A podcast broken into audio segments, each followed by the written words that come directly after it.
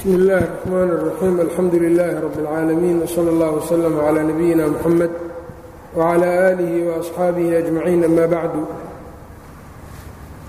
qaala اlimaamu اlxaafid abulfidaa ibnu kahiir raximah اllahu tacaala faslu gaswaةu khaybar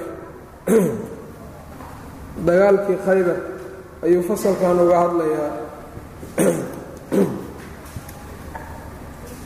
walamaa rajaca sala allahu calayhi waaalihi wasalama ila almadiina nebigu markuu madiine u laabtay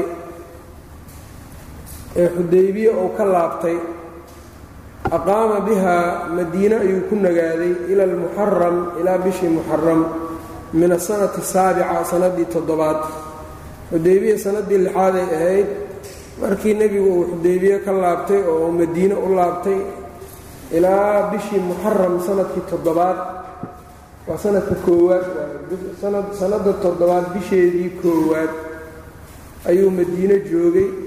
Fakharaja fii aakhirihi muxaram aakhirkiis ayuu baxay. Ilaa khaybara khaybar buu u baxay. Wa nuqila can maalik bni anas imaam maalik waxaa laga soo guuriyey raximahullah anna fatxa khaybara khaybar furashadeedu fii sanata sittin sannaddii lixaad inay ahayd sidaas ayaa laga soo guuriyey alimaam maalik. Waاljumhuuru culammada badankoodna calaa annahaa fii sanata sabcin. Culammada jumhuurtooduna waxay qabaan inay ahayd sannaddii toddobaad. Wa ama bnu xasmin ibnu xasmi fa canhu isaga waxaa laga wariyey xaggiisa annahaa fii sanata sittin sannaddii lixaad inay ahayd bilaa shakin isagoo wax shakiya ugaga jirin maxay ku dhacday marka wuxuu leeyahay wadaalika kaagaasina yacnii wuxuu ugaga xasilay ibnu xasmi binaa'an cala isqilaaxihi innagoo markaa ku dhisayno ama iyadoo lagu dhisayo isaga afgaradkiisa erey bixintiisa iyo afgaradkiisa.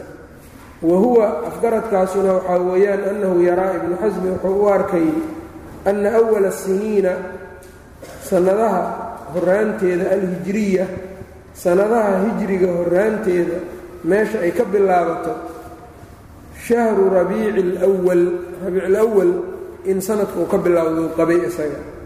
Alladii qadima fiihi rasuulu llaahi sala allahu calayh ali wasalam bishaa rabiiculawal oo nebigu uu soo galay. Ila almadiinati uu soo galay muhaajiran isagoo soo hijroonayo walaakin lam yutaabac calayhi. Sanadka in laga bilaabo bisha rabiiculawal laguma raacin idiljumhuuru culimmada badankood calaa anna awala taariikhi taariikhda awalkeeda iyo bilowgeeda min muxaram ayay ka bilaabataa bisha muxaram tilka sana. Sanadaas nebigu uu soo tegey ee isagu rabiiculawal ha ka yimaado laakiin muxaramaa laga soo tiriyey oo laga bilaabay. Marka ibnu kaiir wuxuu leeyahay culammadu waxay u badan yihiin khaybar inay sanadii toddobaad dhacday bishii muxaram imaam maalik waxaa laga soo guuriyey isaga inuu leeyahay sanadii lixaad. Laakiin ibnu xasmi isagu wuxuuba leey waaba sannadkii lixaadba waana ku waafaqsan yahay bishii muxaram inay dhacday. Laakiin wuxuu leeyahay muxaram wuxuu ku tirsan yahay sannadkii hore. Ile sanada toddobaad waxay ka bilaabataa isaga agtiisa rabiiculawal muxaram iyo rabiiculawalna muxaramaa soo horayso marka isagu wuxuu leeyahay muxaram way dhacday dagaalku waa sax. Laakiin muxaram sanadka aakhirkiisa waayuu leeyahy lixaad. Isaga marka waa qowl aan lagu raacin culammadu aanay ku raacin. Wuxuu qabsaday marka nebigu wuxuu soo hijrooday bishii rabiiculawal iyadaa marka sanadka laga bilaabaa buu yidhi laakiin saxaabadii cumar bnu lkhadaab ama yacnii ciddii kale iyadu markaas dejisay. Taariikhdan hijriga sanadka ugu hor bisha ugu horayso muxaram ayay ka dhigeen. Ayb wa kaana marka ibnu kaiir calaa caadatihi wixii faa'iide meelaha ka soo baxo yacnii faa'iide jaanibi ah mowduuca aan ku saabsanayn laakiin uu rabo inuu baraarujiyo halkan waa ku sheegaa waxaana la yidhaahdaa istiiraad marka taasoo kale ay tahay istiiraad waa ku luga baxsi. Qofka marka masale isagoo ka hadlaya mid kalea ka soo gelayso tiina waa baraarujinayaa marka. Istiiraadaa la yidhaahdaa isaga iyo ibnulqayim iyo sheekhiisii ibnu kaiir sheekhiisii ibnu taymiye iyo yaa aad ugu badan. Weliba ibnulqayim wax kaga badan ma laha. Waxaa laga yaabaa intuu mas'alo ka hadlaayo mas'aladii ay mid kale u dhiibto toban baal meelaha uu uga sii hadlo. Istidraad inay tahay toban baal taqriiban. Cilmiga badan baa marka keenaya. Qofka haddii maskaxdiisa ku jiro macluumaad badan waxaa weeyaan adba waxaa istidraadaadkaas iyo fawaa-iddaas jaanibiga oo ku bataan ayb marka wuxuu yidhi wa kaana أwala man araqa qofkii ugu horreeyey ee taariikheeyey bidalika muxaramkaas ku taariikheeyey yacla bnu umaya bilyaman iyuu ahaa kama rawaahu اlimaamu axmed bnu xambal canhu biisnaadin صaxiixin ilayhi sida imaam axmed uu isnaad saxiixa ku wariyey qofki ugu horreeyo taariikheeyo oo muxaramna ku taariikheeyo yacla bnu umaya ugu horreeyo yaman isagoo jooga taariikhdaa sameeyey. Waqiila waxaa la yidhi cumar bnu اlkhadaab radia allaahu canhu markii dawaawiintii iyo uu bilaabay inuu sameeyo. Diiwaan haddii la sameeyo taariikhna waa loo baahan yahay. Marka ummaddan taariikh maxaan uga dhignaa baa laysiiri saxaabadii marka waa tashteen waxaa soo baxday marka in hijrada taariikh laga dhigto. Taariikhdan kale miilaadiga iyadoo jirtay ka tageen asxaabta midda hijrigay doorteen. Waxay ku asteeyeenna waa hijradii nebiga dhalashadii nebiga kama bilaabin. Ayb. Waxaasoo dhan marka waxaa weeyaan waa faham daqiiqoo saxaabadu ay kolley ay markaa leeyihiin. Ayb iyagana in lagu raaco ay tahay. Wadalika marka wuxuu leeyahay wadalika kaagaasna fii sanata sita cashara sanadii lixiyo tobnaad bay ahayd markii taariikhda la bilaabay. Kamaa busita dalika fii mowdicin aakhar sidii meel kaleba loogu faafiyey oo loogu fidiyey. Ayb. Fasaara sala allahu mowduuciiba u soo noqday marka. Fasaara sala allahu calayh waalihi wasalama nebigu wou socday. Ilayha khaybar ayuu u soo socday. Wastakhlafa cala almadiinati magaalada madiinana wuxuu maamulo uga sii dhigay. Numaylata bni cabdillaahi allayfiyu numaylata bna cabdillaahi allayfiya ayb. Ninkaa ayuu marka madax uga sii dhigay falama intahaa ilayha markuu gaaray khaybar xaasarahaa nebigu waa hareereeyey falama intahaa ilayha khaybar markuu gaaray xaasarahaa xisnan xisnan xaasarahaa waa hareereeyey xisnan xisnan dhufays dhufays ayuu u hareereeyey yacnii qalcad walba iyo dhufays walba waa hareereeyey kanna waa hareereeyey kanna ciidanuu ku hareereeyey ayb waa dhufaysyo badnayd marka meeshaa yahuuddu marka niman aad u nolol jecelay ahaayeen marka dhufaysyo badan mar walbana waxay ku taamayeen cadow ku soo socda inuu jiro. Markaasay qalcado fara badan dhisteen marka. Qalcadihii baa marka nebigu uu hareereeyey sala allahu calayh ali wasalam ayb.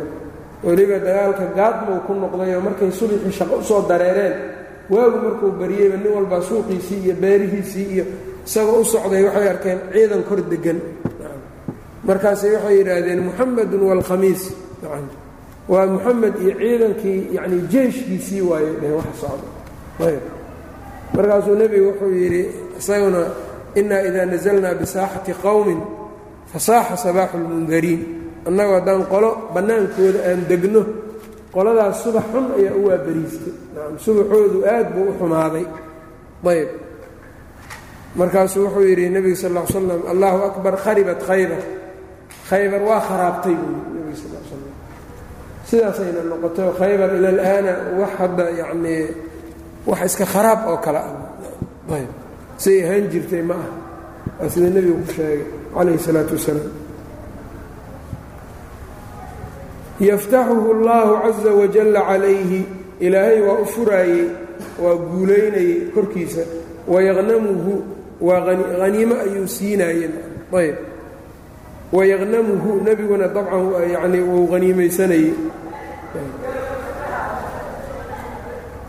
xaasarahaa xisnan xisnan yaftaxuhu allahu caza wajalla calayhi alla marka nebigiisa waa u furayo xisni walba ama dhufays walba waa ku guulaynayey wayuqanimuhu waana haniimaysiinayey wayuqanimu allaahu hu nebiga xata stakmalahaa intuu dhammaystiray wakhamasahaa ou khumuseeyey gufaysadii dhammayd markuu ka laacayuu dhammeeyey ayuu marka sidii haniimadii oo kale shan ayuu u qaybiyey khumus buu ka saaray ayb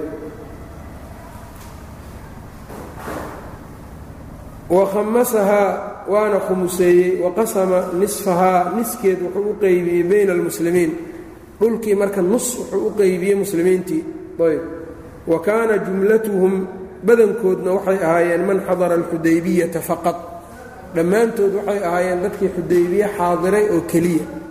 Kun iyo afartii boqol ee dagaalkii sulxulxudaybiya joogtay oo ilaahayna u yaboohay maqaanim kala ilaahay idin siin doonaa idiin ballan qaaday tanay noqotay marka wa arsada nisfa alaakhara. Markaa nebigu dad kalena waa siiyey siduu sheegi doono dabcan oo aan xudaybiye joogin abuu muusa alashcari iyo abuu hurayre iyo daday ka mid yihiin. Laakiin waxaa la yidhaahdaa qaybta dambe waa qaybta uu kuwaas siiyey oo fayga ah. Maxaa yeeley khaybar laba qaybood bay u qaybsantay. Qayb heshiis lagu furtay iyo qayb xoog lagu furtay. Qaybtii marka xoogga lagu furtay ciidankii joogay iyo xudaybiyana xaadire ayuu u qaybiyey. Nebigana waa la qaybsaday ile waa la joogay khumuskiina waa laga saaray. Qaybta sulxiga iyo heshiiska lagu furtayna xukmulfay ayay leedahayoo nebiga ayay gaar u ahayd isaga maamulkeeda isagaa lahayd. Markaa nebigu qaybtaas nuskaas kale reerkiisuu ka masruufi jiray wuxuu ka samay jiray dadka martida iyo wixii la soo gudboonaada muslimiintuu ku daberi jiray. Dagaalka iyo ciidanka iyo hubka iyo fardaha lagu samay jiray. Qaybtaas marka fayd ayay ahayd. Qaybtan kalena waa qaybtii xoogga lagu qabsadayna ciidankiiba u qaybiyey saasay culimmadu u badan yihiin khaybar marka laga hadlaayo mas'alo kalena marka waa ka soo baxaysaayo dhulka iyo maalka. Isku xugun miyaa marka haniimada laga hadlaayo? Dhulka iyo maalka. Oo haddii dhul la qabsado ma la qaybinayaayo? Dadkii dagaalamay miyaa loo qaybinayaa? Mase lama qaybinayo ilaa saddex madhab baa culimmadu ay ka leeyihiin. Sida jumhuurta culimmadu u badan yihiinna dhulka imaamkaa ikhtiyaar u leh hadduu doono waa qaybinayaa. Sida nebigu hadda khaybar yeelay haddii uu doonana ma ma la qaybinayo kulligeed waqafaa laga dhigaya masaalixda muslimiinta waa sida cumar uu yeelay saxaabadiina ay uga dambeeyeen. Cumar dhul qaryo ama magaalo hadduu qabsado magaaladaas waqafuu ka dhigi jiray. Waa laga shaqay jiray dadka ka shaqeeya meesha deggan ayaa marka hanti fara badan baa marka ka soo geli jirtay iyagana ujiray qaado jireen ama qayb waxbaa loo goy jiray. Inteeda badanna khallada iyo waxa ka soo baxo faa'iidada ka soo baxda muslimiinta bangigooda ayaa lagu soo shubi jiray. Kharaajaa la yidhaha kharaaj.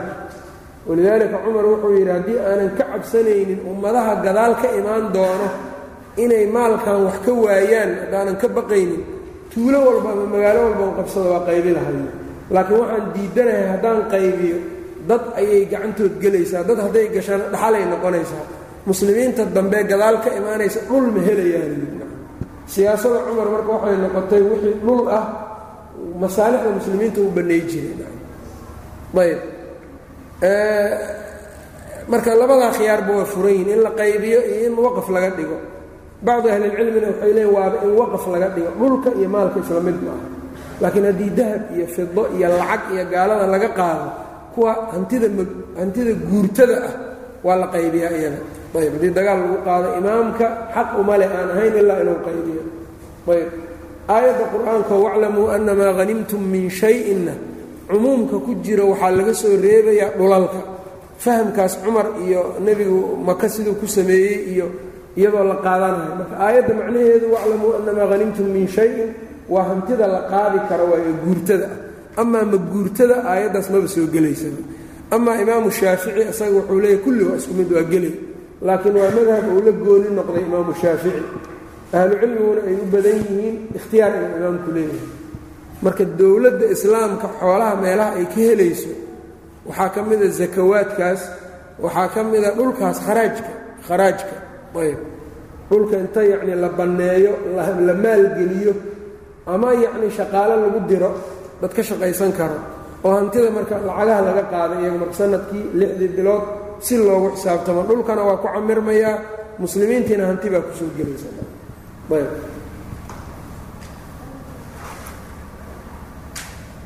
Wa arsada nisfa alaakhara nuska kalena nebiga wuxuu u darbay limasaalixihi masaalixdiisa.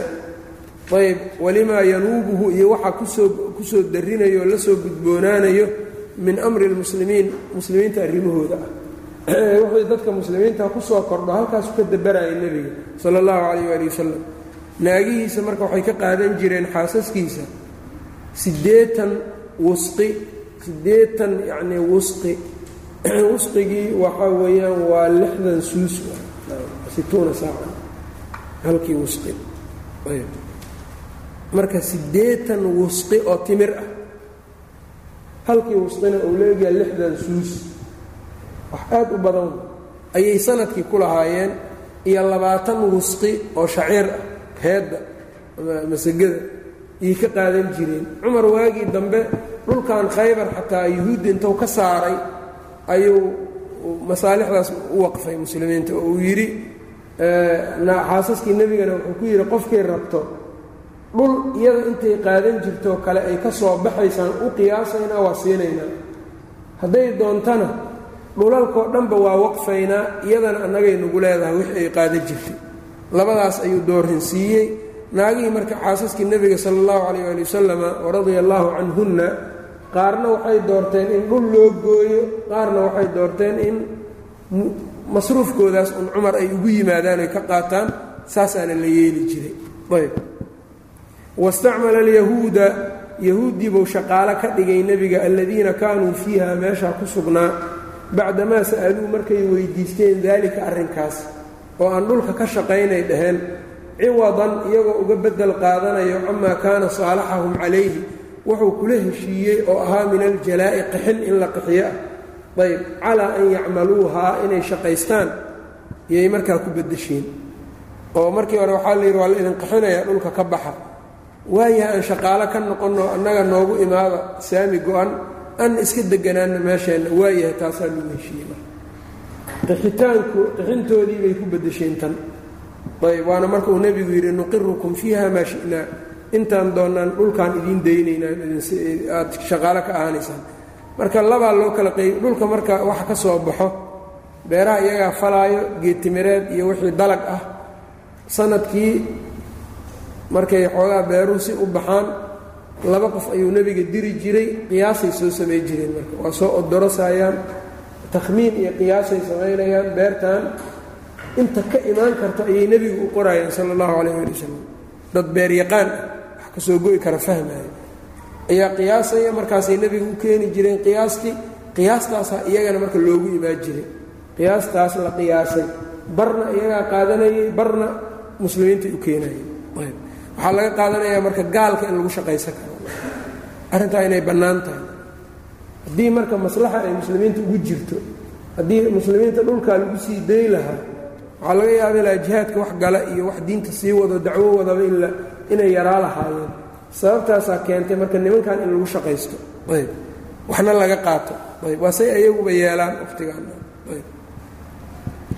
Oo waqtigan siyaabo badan ay dadka ugu shaqaystaan. Waxa dhallinyaro ay qaadayaan iyagu faa'iidada ay ka helaan maxay tahay kii xamaali ku shaqaystana iyagu canshuura iyaga ugu jirto.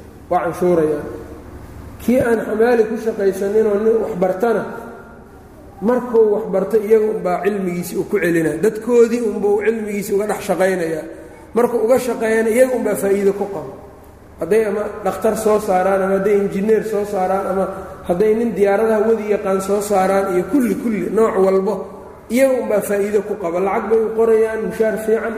Guri deg meeshaas deganow iyo u shaqeeyaa iyagoo u shaqeeyaa marka. Markuu toddobaatan iyo siddeetan gaarana ama benshankiisa inuu meelahaas iskaga qaato oo meelahaas lagu duugo ama inuu hadduu ka soo tagana dadkiisa muxuu ugu yaallaa nin toddobaatan jira isagaa u baahan korsaar ah markaas. Xilligii uu dhallinyarada ah waa la qaatay dad kala qaatay xooggiisii dalkiisii iyo dadkiisii kama faa'iidaysanin. Soo ma fahmin? Marka innaga laakiin waxaan fiirinaynaa hantida bis. Qofkan meeqaa soo gelaysa meeqaa mushaar la qaadanaya waa maslaxa shakhsiyadeed bis. Maslaxadii guud ee dadkii ma leh.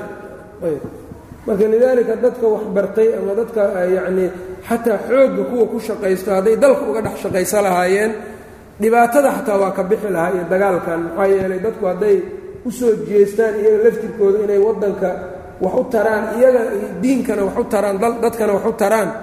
Hadday u soo jeestaan xataa dagaalada iyo dadka dhibaatada wado waa iska riixi karaan oo iska qaban karaan. Laakiin midkii walbaba hadduu xal ka dayo yacni bannaanka waxaa laga yaabaa in dhiba markaas ay yaraadaan dadkii nuxurka lahaa dalka dhexdiisa ay ku yaraadaan.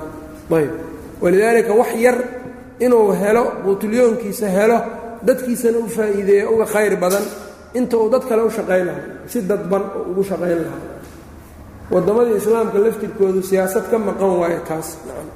Dadkan hantida lehoo dalalkan islaamka hantida faraha badan haystana iyaguna dadka aqoontooda kama faa'iidaystaan. Gaalay meelo kale ka keenayaan. Ayb waxaa laga yaabaa inay boqolaal yani malaayiin muslimiina inay heli karaan aqoontiina leh iyagiina ay u faa'iideeyaan. Marka qofka muslimka hadduu dad muslina u faa'iideeyo khayr buu qabaa. Ayb.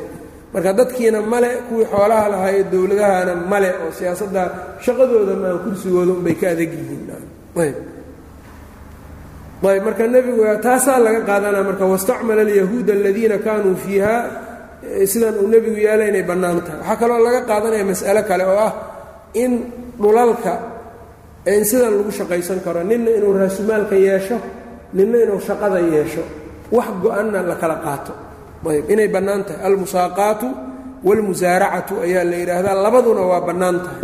Ayb qofka haddaad tidhahda dhulkiiba adiga leedahay beertan fal abuurka meeshaad doonto ka keenso adiga abuur taag wixii ka soo baxo saddex meeloodoo meelaa leedahay laba anaa iskale laba meeloodoo meel adaale meel anaa iskale waa bannaantahay haddiiba wax la cayimo laakiin waxaa la diidayaa intaas wixii ka baxo adaale intaan wixii ka baxan anaa iskale hadhow doodaa imaanayso dhulkan meeshan baa inuu ka bao laga yaaba meeshanna ka baxo meeshan inuu ka baxo meeshan ka bao taas waa reebay sharcigu cadaalad darrow.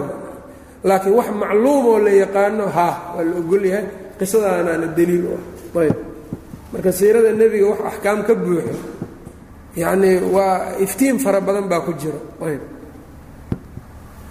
walirasuulillaahi sala allahu calayh ali wasalam nebiguna waxay kula heshiiyeen inuu leeyahay annisfu nis mimaa yakhruju minhaa wax ka soo baxo meesha min amarin miro ah ow sarcin ama abuur ah.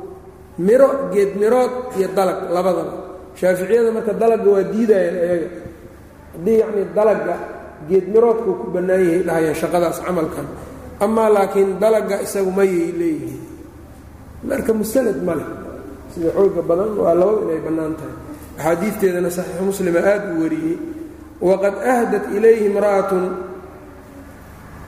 Ayb waqad istafaa sala allahu calayh waali wasalama nebigu wuxuu ka doortay min khanaa'imihaa khaybar dadkii laga qaniimaystay safiyata binta xuyay bni akhdab. Ayuu ka xushay. Linafsihi nafsadiisa u xushay. Fa aslamad way islaamtay. Fa actaqahaa waa xoreeyey wa tasawajahaa waa guursaday wa banaa bihaa waana la aqalgalay fii ariiqi اlmadiinati madiine jidkeedii ayuu kula sii aqalgalay bacdamaa xallad marka ay ciddo dhammaysatay oy ciddadii ka baxday istibraa hadde ciddo ma jirtee waxaa weeyaan waa istibraa hal mar in xayd ka yimaado bes rixmkeedaa la hubsana naagta haddii marka la soo qafaalo ama addoonba ay tahay oo gacantaada soo gasho ama yacnii haba la xoreeyo haddii la doonee hal dhiig baa la sugaya hadday hesho bis waa khalaas marka markaa nebigu waa guursaday markay ciddada ka baxdayna waa la aqalgalay wuxuu kula aqalgalay meesha. Umu sulaym baana u diyaarisay. Sidaa darteed bay marka waxay ku noqotay ummahaat اlmu'miniin ugaga mid noqotay radia allaahu canha. Ayb waqad ahdat ilayhi imra'atun. Ayb markii hore dixyay ku soo toostay. Markaasaa nebi waxaa la yidhi nin aan nebiga ahayn uma habboona safiya. Ayb. Dad marka dadkii boqorada ahaa oo yahuuddaas boqorada u ahaa ayay ka dhalatay. Ayb. Marka nebiga cidaan ahayn uma habboonay dhaheen. Saxaabada marka dixya nebigu u celiye marka u siiyeyayb waqad ahdat ilayhi imra'atu naag baa waxay u soo hadiyeysay min yahuudi khaybar. Khaybar yahuuddeedii ka mida wahiya zaynabu bintu اlxaarif yay ahayd imra'atu salaam bni mishkam. Ninka shaatun ayb shaatan masliyatan masmuumatan shaatan waa meeshaas naag baa waxay u hadiyeysay qoladaa yahuudda ka mida shaatan ayay nebiga u soo hadiyeysay. Ri masliyatan la solay masmuumatan la sumeeyey. Falama intahasha min diraacihaa nebigu markuu goostay garabkeedii hasha garab yacnii rida garabkeedii markuu goostay. Ahbarahu garabkii baa u sheegay annahu masmuumun inuu sumaysan yahay. Fataraka alakla cunistii buu ka tegey. Wa dacaa bilyahuudiyati naagtii yahuudiyada ahayd buu u yeedhay fastakhbarahaa waa weydiiyey. Asamamti haadihi shaata ridaan ma sumaysay ayuu yidhi. Faqaalat waxay tidhi nacam ha faqaala wuxuu yidhi maa aradti ilaa dalika arrinkaa maxaad ka wadaa maxaad ka doontay arrintaa faqaalat waxay tihi aradtu waxaan doonay in kunta nebiyan haddaad nebi tahay lam yaduraka ku dhibi maayo wain kunta hayrahu haddaadan nebi ahaynna istaraxnaa minka waa kaa raaxaysanaynaa facafaa canha sala allahu calayh waali wasalam nebigu waa iska cafiyey marka in la cafi karo gaalba ha ahaada qofka weliba haba ku dhibaateeya inay iska bannaan tahay. Nebigu ninkii seefta u qaatay waa kii cafiyey kan waa cafiyey kii sixray waa cafiyey labiid ibnulacsan wax aynan kula kicin male labiidku waa yahuud. Naag ay naagtan sumaynayso waa yahuudiyad. Marka weligood saas walaa tasaalu taطalicu calaa khaa'inatin minhum. Weligood saas khiyaano iyo fasaad ayay ugu jiraan. Waxa dadka ikhtiyaalo oo laayo oo yacnii sida xun u dilo iyagaa yacni kowka ah ayb oo ugu daran meel aynan markaa fasaad ka samaynaynin male iyaga ayb. Si allaale siday doonaan. Boqolaal marka waxaa weeyaan sirdoon iyo boqolaal mukharibiin ayaa ugu dhex jira ummadaha ayb. Marna marka nebiga sixiray ku dayeen marna waa kaasaayo inay dilaan oo saas u sameeyaan bay dooneen ayb marna waa kuwii doonay nebiga inay dhagax kor uga soo tuuraan. Inta noo fariisay dhaheen annagaa diyada kuu keenayne reer bani qaynuqaac. Waxaan u jeedaa kuwii reer bani nadiir. Faqaalat marka saasay tihi waqiila waxaa la yidhi ina bishra bna albaraa'i bni macruur kaana wuxuu ahaa miman akala minhaa dadkii wax ka cunay neefkaas hilibkiisa. Famaata waa dhintay faqatalahaa nebigu waa dilay marka bihi ninkaabuu u dilay. Isaga waa iska cafiyey laakiin ninkii markuu u dhintay waa u dilay marka nebiga sal slam waxaa laga qaadanayaa midana naag in nin loo qisaasi karo naagtu hadday nin disho waa la qisaasaya waa loo qisaasaya ninku hadduu naag dilana waa loo qisaasaya gabadhii marka muslimadda ayadoo yahuuddu ay dhagax ku riiqeen madaxeeda ee iyadoo nafteedu xaraarug tahay loo yimid ayaa ku dilay layidhi ay markaa tilmaantay nin yahuudi ah. Markaasaa layidhi adiga miyaad dishay? Haa waa qirtay gabadhiina waa dhimatay. Iqraarkiisaa loo dilay marka. Ee gabadhaan yacni ninkaana idilay keligeed ay tiri dhibanahaas hadalkiisa looma dilin bayinaa ilaa loo baahan yahay isaga laga ayb. Laakiin isagaa qirtay taas. Markuu qirtay marka isagana dhagaxaa lagu shiiday madaxiisa lagu dilay. Kulli marka waxay tusayaan qisaasku marka inuu saa u jiro. Waqad rawaa dalika rasuulka laftirkiisa waxaa la yidhaha sala allahu calayh waali wasalam raad noocaas ay cuntadaa hilibkaa uu goostay ku reebay ayuu u dhintay ayaa la yidhaahdaa. Walidaalika nebiga laftirkiisa shahiidnimo ku dhintay. Saasay dhahaan culumada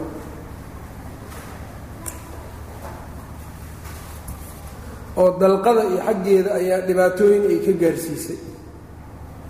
Waqad rawaa dalika abu daawuuda abu daawuud baa wariyey sidaa mursalan isagoo mursala can abi salamata bni cabdiraxmaan bni cawf waqadima cala nabiyi sala allahu alayh ali wasalam nebiga wuxuu soo galay fii waqadima cala nabiyi sala allahu alayh ali wasalam waxaa u soo galay nebiga fii qaswati khaybar dagaalkaa khaybar bacda faraaqihim markay ka dhammaadeen min alqitaali dagaalkii ay ka dhammaadeen jacfar bnu abi aalib iyo waasxaabuhu ayaa u soo galeen miman baqiya dadkii ku haray haray muhaajiran isagoo ka soo hijrooday jacfar ama dadkaa iyagoo ka soo hijrooday biardi alxabashati ay ka soo hijroodeen wa suxbatuhum dadkii markaa waxaa la socday jacfar abuu muusa alashcariyi fii jamaacatin maca jamaacatin isagoo ah min alashcariyiina yaziiduuna cala sabciin toddobaatan ka badan. Yacnii waxay ahaayeen jacfar intaa wax la samaynayo wuxuu joogaa ardulxabasha hijradii horey ku maqnaayeen sanadii toddobaad ayay nebigu uu khaybar ugu soo galay oo ugu yimid. Isaga iyo dadkii meeshaa la joogayba abuu muusa alashcari iyo qabiiladiisa dad badan oo ka islaamayna yeman bay ka tageen waxay rabeen inay madiine xaggeeda aadaan. Doontii ayaa marka meelahan la soo aaday. Dariiqoodii baa marka waxay u soo dib ay ugu soo noqdeen ardulxabasha iyagii iyo marka waxaa ishelay abu jacfar bn abi aalib markaasay hal mar hal rixlay soo sameeyeen khaybar ayay nebiga ugu yimaadeen waqadima calayhi abuu hurayrata abuu hurayrana halkaasuu nebiga ugu yimid isaguna wa aakharuuna iyo kuwo kale radia allahu canhum ajmaciin fa acdaahum sala allahu calayh waali wasalam nebigu wuxuu siiyey min almaqaanimi hanaa'imtii buu wax ka siiyey kama araada allahu caza wajalla sidii alla uu doonay marka nimankan dagaalkii ma gelin iyaga see marka haniimadii wax looga siiyey laba towjiih qaybta fayga nuskii loo gooyey masaalixdii muslimiinta ayuu wax ka siiyey. Ee nuskii dagaalka lagu furtay dadkiibuu u qeydiyey amase in la yidhaahdo haniimadiibuu wax ka siiyeyo qoladan marka iyagu dagaalka gashay buu fasax ka qaatay. Waa ka idin qaatay waa u ogolaadeen waxbuu ka siiyey. Towjiih saddexaad wuxuu yahay khumuskuu wax ka siiyey. Haniimada shan marka loo qaybiya qayb baa laga bixiya afarta kaley leeyihiin muqaatiliinta. Khumuskii ayuu wax ka siiyey marka kitaabu marka waa la yidhaahda waqad qaala lijacfarin jacfarbu wuxuu ku yidhi nebiga laa adrii ma ogi. Biayihimaa labadooda tii oo ana aniga usaru la igu farax gelinayo a bifatxi khaybara khaybar guusheeda. Am biquduumi jacfar. Mise jacfar soo gelitaankiisa. Labadan midda aan aad ugu faraxsanahay ma garanayo yani waxaad garanaya marka meel weyn baa nebigu jacfar agtiisa uu ka joogay wuxuu leeyahy marka khaybar guushii aan ka helay iyo middan jacfar soo geliddiisa midaan ku farxaba ma garanayo. Ayb labadooda walamaa qadima calayhi markuu u soo galay qaama waa istaagay nebiga waqabala waa dhunkaday maa bayna caynayhi. Walamaa qadima calayhi markuu u soo galay jacfar qaama wuu istaagay waqabala maa bayna caynayhi. Labadiisa indhood dhexdooda ayuu dhunkaday oo markaa nebigu ka dhunkaday waqad istushhida bikhaybar min almuslimiina marka abu hurayrana dabcan markaasuu soo galay islaamnimadiisu markaasay ahayd intaa kadib uu nebigu la saaxiibay sanadii toddobaad sideedaad sagaalaad iyo yacnii tobnaad koob iyo toban nebigu awaa-ishiisii waa dhintay muddo saddex sane ee xoogaa ama ilaa afar sano ayb dadka marka duro axaadiidta nebiga waxay yidhaahdaan say ku dhacday marka saddex sano iyo xoogaa iyo intaanu xadiid ah dadkii intaa la joogayba intaan ma hayaan. Waxbuu ku dari jiray markaasuu abu hurayra markii la yidhaahdo qad agtara abu hurayra. Abu hurayra waa badiyey. Markaasuu isaguna wuxuu dhihi jiray ilallaahi lmawcid ilaahay agtiisaa ballantu ay tahay. Qofka saa dhahayo iyo qofka kale ilaahay agtiisaa ballan maa marka isagu nebigaa u duceeyey sala allahu calayh waali wasalam inuus waxba iloobin wax uu maqlo. Nebiguuna laasimay marka nebiga ducadiisa marka waxaa weeyaan yaa keentay sidaa oo sabab ilaahay uga dhigay. Ayb abu hurayrana dadka neceb waa dad qalloocan mar walba. Maxaa yeeley axaadiidtiisii baa iyaga laf dhuun gashay u ah. Marka waa inay isaga ka hadlaan si axaadiidtiisana u tuuraan. Waa maslag aad u xun waay saxaabada in la duro si axaadiidta nebiga looga tago. Waana sidaas dadka saxaabada nebiga duro waa noocaas. Imaam maalik baa wuxuu yidhi dad wuxuu arka raafidada iyo shiicada looga sheekeeyey. Markaasuu yidhi abu bakar iyo cumar iyo maahane saaxibu hada alqabri bay rabaanuu yidhi inay duraan. Qabrigan nebiga ku jiro ayay caynayaan ay durayaan maxaa yeeley haddii isagii abubakar iyo cumar uu saaxiib la ahaa ou dadka dhexdiisa ku weynay jiray ee nin xun nin xunuu saaxiib leeyahay hadday iyagu xumaadaan de nebigiiba saaxiib hadduu la noqdo isna waa xun yahay baa meesha ku laaban buu yidhi. Abu zurcat araasina wuxuu yidhi dadkan saxaabada duraaya waxay rabaan inay duraan annaga markhaatiyaalkeenna diinka ilaahay berri markuuna weydiiyey markhaati iyagaan uga dhiganayna ila iyagaa saan u tukanayna saan u soomayna iyagaana soo gaarsiiyeen iyaga ayaa dhacniga iyo durista kuwa duraaya saxaabadaa ku owleysan buu yidhi. Hum zanaadiqatun hum zanaadiqatun hum zanaadiqatun waqad istushhida bikhaybar khaybar ayaa markaa ayaa lagu oofsaday ku shahiidan waxaa ugaga shahiiday min almuslimiina muslimiinta naxw cishiriina labaatan wax ku dhow rajulan oo nimana radia allaahu canhum jamiicahum. Dhammaantood allah ka raali faslun fatxu fadak. Fadak furashadiisii. Fadag marka waa qaryo u dhoweyd meeshaan khaybar ayay ka ag markay maqleen dhufaysyadii yahuud inay isdhiibtay oo yahuuddii nebigii la heshiiyeen dhulkoodana marka dhulka ka shaqeeya la yidhi qoladii fadeg deganaydna nebigay isu dhiibeen iyaguna walamaa balaqa ahla fadeg reer fadeg markuu soo gaaray maa facala rasuulu llaahi sala allahu calayh waali wasalama nebigu wuxuu sameeyey biahli khaybara uu ku sameeyey bacasuu ilayhi waa u cidireen yatlubuuna minhu sulxa iyagoo heshiis ka raadinayo faajaabahu nebiga waa yeelay fa kaanad waxay noqotay fadeg mima lam yuujifi lmuslimuuna muslimiintu waxa aynan u oradsiinin calayhi maaga korkiisa bikaylin fardo walaa rikaabin iyo awrtoona yacnii waxay ka mid noqotay fadeg waxyaabaha muslimiintu aynan dagaalka ku qaadin iyagoon dagaal qaadin bay heshiis bay ku qaateen. Mima lam yuujif ay mima lam yusric.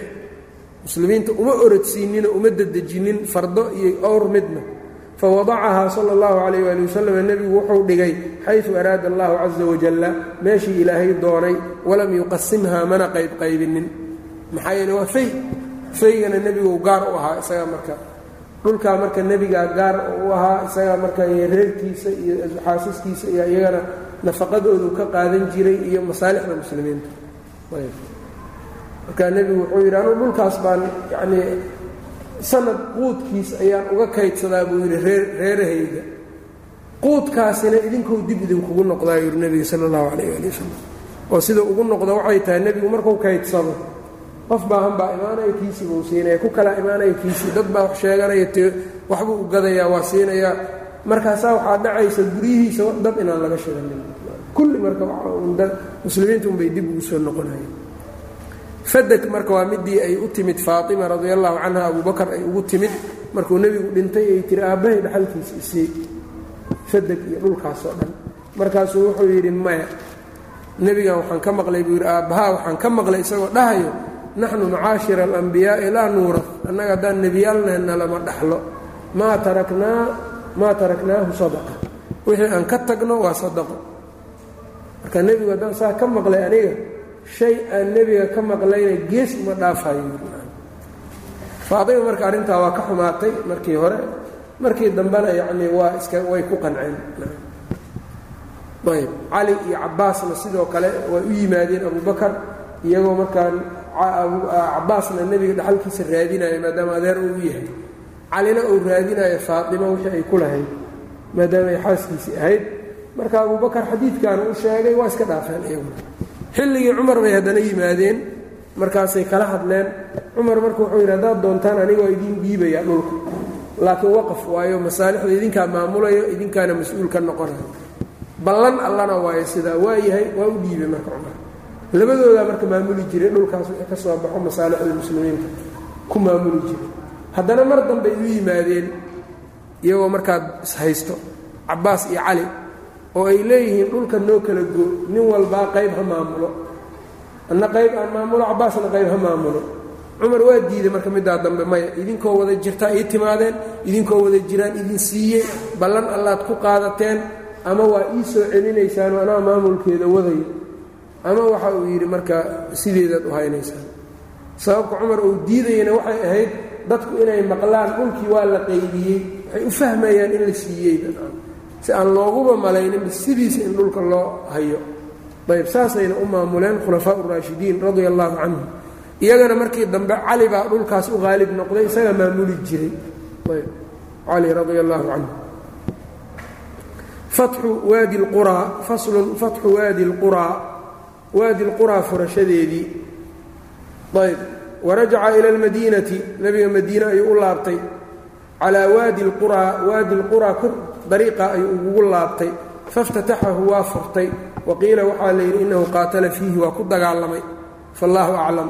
Wafi saxiixayni waxaa ku sugan ana ghulaaman doon ama yacnii nin shaqaale u ahaa lirasuulillahi sala allahu calayh ali wasalam yudcaa lagu magacaabi jiray midcaman baynamaa waqti huwa isagu yaxudu ou yacnii u raraayo yaxudu ou dejinayo raxla rasuulillahi sal l slam yani nebiga nebiga rarkiisii ratigii nebiga u rarnaa isagoo rarkii ka dejinaya markaa id jaa'ahu waxaa u yimid sahmun leeb ayaa u yimid harbun cid soo tuurtay aan la ogeyn.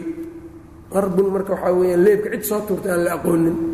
Waxaan hadda wiiftada la dhaho kale wax soo tuura aan la aqoonin taasoo kale marka saa u yidhaahdaan iyo sahmun qarbun faqatalahu waa dilay marka. Leebkaa baa dilay. Faqaala annaasu dadkii waxay yidhaahdeen hanii'an lahu shahaada bogaadin? Ha helo. Ayb hanii'an lahu shahaad bogaadin? Yaa yacnii ninkan u sugnaatay shahaadada ou helay darteed. Yaa rasuulallah rasuulka ilaahay. Shahaadadii ou helay yaa bogaadin baa ugu sugnaatay. Ayb ay nuhani'uhu waanu u tahniyadaynaynaa yani hanii'an tahni'atan yanii tahniyadayn ayb oo lahu isaga u sugnaatay ayb wahiya shahaadatu hiya iyadoo shahaadatu weeyaan yaa rasuul allah faqaala nebigu wuxuu yidhi kallaa saa inay tahay iska baddaaya ma aha waladii nafsii biyadihi macbuudka nafsadeeda gacantiisa ku jirtaan ku dhaartaye inna shamlata go'a allatii akhadahaa ou qaatay min almaaanimi min alghanaa'imi hanaa'imta uu ka qaatay lam tusibhaa oon asiibin almaqaasimu qaybtii dadka qaybtii dadka aan gelin. Latashtacilu taa ayaa ololayso calayhi korkiisay ku ololaysaa naaran iyadoo naar ah.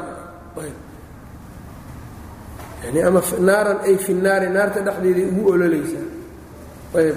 Meeshan marka waxaa laga qaadanaya arrin aad muhiim oo khowf iyo cabsi badan ay ku jirto. Arrinku waxaa weeyaan qofka isagoo dagaal ku jira macrako gaalo ay muslimiin ka dhexayso haddii uu ku dhinto waa loo rajeeyaa shahaadada. Shahiidun in shaa allah shahaadaan u rajaynaynaa insaan la yidhaahda laakiin inaan la gooyi karin oo aan la dhihi karin shahiid waa hebel. Shahiidkii hebel ahaa inaan la dhihi karin. Bukhaarina kitaabu uljihaad waa baabaystay wuxuu yidhi baabun laa yaquulu shahiidun. Shahiid ma dhahayo. Maxaa yeele shahaadadu waxay u baahan tahay. Xudayfatu bnulyamaan baa iyo abuu muusa alashcari baa waxaa laga wariyey abuu muusa baa wuxuu yidhi nin hadduu baxo gaalada aado weeraro isagoo muqbil ah hayru mudbirin oo sidaa iyo sidaa nin baa u yimid. Marka su'aashaas buu u bandhigay. Jannada shahiid sow jannada ma gelay ha abuu muusa alashcari markaasuu xudayfa waxa uu yidhi jooji ku celi waxaa tiri waa ku celiyey markaasuu xudayfat bnulyamaan radia allaahu canhu waxa uu yidhi shahaadada shardigeedu waa adag yahay. Shahiidnimada shardiga ku xiran aad buu u adag yahayo. Macnaheedu waxaa weeyaan waa jannow galay qofkaas. Saa darteed marka waxaa weeyaan hadday ilaahay dartiis ka ahayd macaasi uu iska ilaaliyey xaq dadaad iyo yacnii xoolo dadaad iyo waxaasoo dhan uu iska ilaaliyey gardarsi iska ilaaliyey saasaa ku xiran buu saasuu u sheegay marka. Ayb ibnu wadaax alqurطubi yaa warinaya xadiidkan baase waxaa weeyaan taasoo kale isagana caddaynaya qofku marka rajo un in loo rajiyo oon la jasminin dad badan baa jasminaya marka shahiidkii hebel ahaa iyo shahiid fulaan iyo yacni shahaadadu waa ahlujanna adoo iyadoo la yidhiyo kale waa shahiid fulaan waa adoo tiri ninkii jannada galay hebel ahaay wama adraaka inuu janno galay. Quluubtiisa waxa ku jiray lama oga. Waxaa dhici karta dunuub inay la xiriirsantay jihaadkan uu galay dunuubtaasi aynay naar gelinaysa marka sida ninkan baad haysata hal go' uu qaatay waxaa kaloo laga qaadanayaa sha'nu lghuluul boolida iyo bililiqadu sha'nigeedu siduu u weyn yahay. Tacdiimu amri alghuluul boolida yacni arrinkeeda in arrin culus inuu yahay. Huluul marka waxaa la yidhaha hantida guudoo la boobo hantida dadka ka dhaxayso la boobo. Ayb. Inay khatar tahay. Oo hanti guuday ahayd oo haniimada inuu ku soo daray ahayd go'aan kadib la qaybiyo qaybtiisa qaata marka ma yeelin gaara u qarsaday saanay u gashay marka haddii marka hal go' oo haniimada aan lagu darin ou sidaas yahay xoolo badanoo qofku intuu iska soo qaato guri galo oo iskala iskala tago maxaad malaynayna ayb. Qofkiina uu ku leeyahay waa haniimo oo dad yacni waxaan ka soo qaaday qaab daran haddana hadday haniimo tahay soo in la qaybiya maaha. Maa haddaan la qaybininoo qofka uu gurigiisa iska geysta aayar tanoo kala qabsanaysa. Khatar faslun cumrat lqadaa cumrat lqadaa ayb cumradan cumrat lqadaana waa la yidhaha cumrat lqadiyana waa la yidhaha cumrat lqisaasna waa la yidhaahda waxaa cumrat lqadaa loogu bixiyey sanadii lixaad. Waa tii ay rabeen inay cumraystaan oo xudaybiye lagu sharay oo lagu celiyey oo kacbada loogu diiday. Marka ayaa sanada dambena la yidhi heshiisku inuu ahaa sanada dambe inay soo xajiyaan inay soo cumraystaan. Sanadkaas cumradii la sameynaya cumratulqadaa la yidhaahda mana ahan in laga wado cumro sannadkii hore ka tagtay oy qallaynayaan ha u malaynin dad baa saas moodo. Macnuhu sidaas ma aha alqadaa bimacna almuqaadaatu ayaa laga wadaayo. Waa heshiisa laga wada cumrat lqadaa cumradii heshiiska ahayd cumradii heshiiskaa laga wadaa maxaa yeelay xudaybiya iyadu cumradeedii nebiga laga kala gooyey waa dhammaystirantay waa u dhacday. Walidaalika inta jeerow nebiga cumraystay marka la tirinaya afar waa. Xudaybiya kow baa la dhahaa. Cumrat lqadaa labo. Cumrat ljiciraana oo markii uu xunayn ka soo dhammaaday ayuu cumraystay iyo cumradii ku dhex jirtay xajkiisa. Afartaasuu sameeyey. Afartooduna waxay dhaceen saddex waxay dhaceen dulqacda midda xajkiisa ku dhex jirtayna ashhuurulxajkay dhacday bilahaas xajka cumrat marka macnaheedu cumrat cumradii heshiiska ahayd waaye cumro la qalleeyey maaha tii hore waa taan. Kacbada iyagoon gaarin bay u dhammaystirnaatay mar haddii meesha lagu sharay xoolihiina ku gowraceen timihiina ku xiirteen waa cumraha dhammaatay waa cumro xasishay. Ayb walamaa rajaca sala allahu calayh waali wasalam nebiga markuu laabtay ila lmadiinati uu ku laabtay aqaama bihaa madiine ayuu joogay ilaa shahri dilqacda bishii dilqacda fakharaja fiihi bishaa dhexdeedii buu soo baxay muctamiran isagoo cumraysanayo cumrata alqadaa cumradii qadaha allatii cumradaas oo qaadaa qurayshan quraysh uu kula heshiiyey calayha iyada minhum waxaa ka mida yani culimmada man yajcaluhaa qolo ka yeelayso qadaa'an qado inay tahay min cumrati alxudaybiyati ay ka tahay xayu markii yani sudda xayu sudda kolkii la sharay oo kolkii laga celiyey oo laga manciyey inuu beytka aado laakiin sax ma ahan sidaas ta horaa saxsan. Wa minhum waxaa ka mida culimmada man yaquulu kuwa dhahayo cumrat اlqisaas wlkullu saxiixun. Dhammaan waa cumratulqisaas haddii la dhao cumratulqada haddii la dhao cumratulqadaya kullu ayb laakiin cumro xudaybiye go'day oo aan jirin oo baail noqotay ama baaba'day oo la kabaayo maahan cumratulqada cumro hor le fasaara nebiga waatay waa socday. Xataa balaga makata intuu maka ka gaaray factamara waa cumraystay factamara uu cumraystay wadaafa bilbeyti beytkiibuu dawaafay wataxallala min cumratihi cumradiisiina waa ka xalaal noqday watasawaja bacda ixlaalihi markuu xalaal noqoshadiisa kadib wuxuu guursaday maymuunata binta alxaarif um lmuminiin ee umma almu'miniin muminiinta hooyadood noqotay. Waa ugu dambeeyo nebiga guursado. Sarif meesha ayuu ku guursaday. Ibnu cabaas habaryartiisay ahayd. Ibnu cabaas waxaa dhashay lubaabatu bint اlxaarif maymuuna bint اlxaarif waa iyadana waxayna ahaayeen min bani hilaal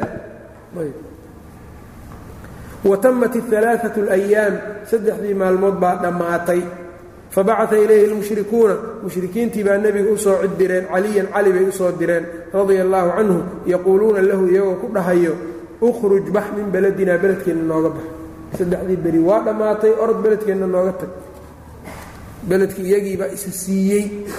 Waa meeshuu nebigii ku dhashay sala اllahu calayh ali wasalam qabiil hadday tahay waa leeyahay haddana maca daalika waa beledka iyagaa iska isa siinaya faqaala waxa uu yidhi wamaa calayhim? Maxaa korkooda ah? Maxaa ku dhacayo? Low banaytu bimaymuunata. Haddaan maymuuna meeshaa kula aqalgalo cindahum iyaga agtooda. Maalmo yar may iigu daraan buu leeyahay oon maymuuno kula aqalgalo fa abow calayhi way diideen. Daalika arrinkaa waa u diideen waqad kaanuu waxayna ahaayeen iyagu markii horeba kharajuu min makata maka inayba ka baxeen xiina qadimahaa sala allahu calayh ali wasalam markuu nebigu soo galay cadaawatan collaytan iyo wabuqdan nacayb lahu isaga ay u caraysan yihiin. Wuxuu leeyahay marka ibnu kaiir markuu soo galaayay kulligood waa ka baxeen maka meel soo galay yacnii mar hadduu beledkii soo galay moxamed ay yidhahdeen innaga beledka ma joogin. Meel bannaanka ka abay marka kulligood istubeen iyagoo marka fiirsanaya qaarkood marka waxay lahaayeen dad waxaa idiin imaan doono qandhadii iyo dhilmaanyadii madiine ay baabi'isayoo daciif oo caatoobay. Yaa idiin imaanayay dhaheen. Marka nebiga markii loo sheegay waxa uu yidhi go-a dhanka midig halaysugu bidixda ha layskugu geeyo. Marka meeshan yacnii garabkan muruqa midigna hala banneeyo ayb dawaafka marka la samaynayana saddexda hore hala ordo oo ruclayn ha lagu dawaafo si loo tuso xoog inuu jiro. Waxaa laga qaadanaa isticraadka iyo yacni cadowga xoog tusidiisu inay fiican tahay. Sidaa marka in la yeelo ayuu faray. Markii dambena sunnay iska noqotay dawaaf kastoo dawaafulquduuma saddexda hore raggu inay saa u rucleeyaan baa sunno noqotay inkastoo sababtaa ou lahaa. Haddana lagama tegin. Saxaabadii cumar baa damcayo mar wuxuu yidhi maa baalu ramal oo ruclayntaanu maxay tahay? Mar haddii gaal hadda la tusayana uusan jirin makana ay muslimiintii gacanta ku hayaan muslimkiina xoogaystay markaasuu haddana dib isu celiyey oo waxa uu yidhi shay nebigu sameeyey. Haddana xajatulwadaaci nebigu waa kuwaa sameeyey markuu soo gelaya xajatulwadaac muslimiinta yaa haysteen shay nebigu sameeyey ma ka tegayuu yidhi. Waa sideeda u ayb marka sidaasu iyagu marka bannaankay uga baxeen nacayb ay nacayaan rasuulka sala allahu calayh waali wasalam dartii. Saddexdii maalmood markuu dhammaystayna hore ka baxay dheheen marka. Ayb marka nebigu in loogu daro ka codsaday hadday u yeelayaan markay diideenna waa iskaga tegay qolada dadka haddaad heshiis la gasho inaa uga soo baxda ayb. Fakharaja calayhi salaatu wasalaam dadka sidaan marka nebiga magaalada uga baxayo kula collaytamaayo markii uu magaalada qabsaday uu ka xoog batay waa iska cafiyey. Fakharaja calayhi salaatu wasalaam nebigii waa baxay. Fabanaa bimaymuunata maymuuna wuxuu kula aqalgalay bisarif. Sarif meesha la yidhaha buu kula aqalgalay ayb iyagoo labadooduba ay xalaal yihiin oysan xarmanayn. Warajaca ila lmadiinati madiina ayuu u soo laabtay mu'ayadan isagoo la taageeray xag alla laga taageeray mansuuran loo gargaaray cumrat lqadana sidaasay ahayd. Cumradaas dhexdeeda gabar jacfar gabar uu dhalay yani xamza ayaa cali iyo jacfar iyo zayd ibnu xaarifa ka soo daba orday oo tiri qaada iyagaa marka way kaxeeyeen way qaadeen. Waatay marka xanaanaynteeda ku hadleen ku doodeen saddexdooda. Nebiguna markii dambe uu siiyey jacfar liajli habaryarteedu marka uu qabo isaga oo alkhaalatu bimansilati اlum xadiid marka xadaanada isagana daliil u ah baa ku dhex jira qisada. Marka dagaalka kale haswatu bachu mu'ta dagaal marka fiqhi badan uu ku jira waayo bilahi towfiiq sal اllah wslm calaa nabiyina mxamed wcalaa aalihi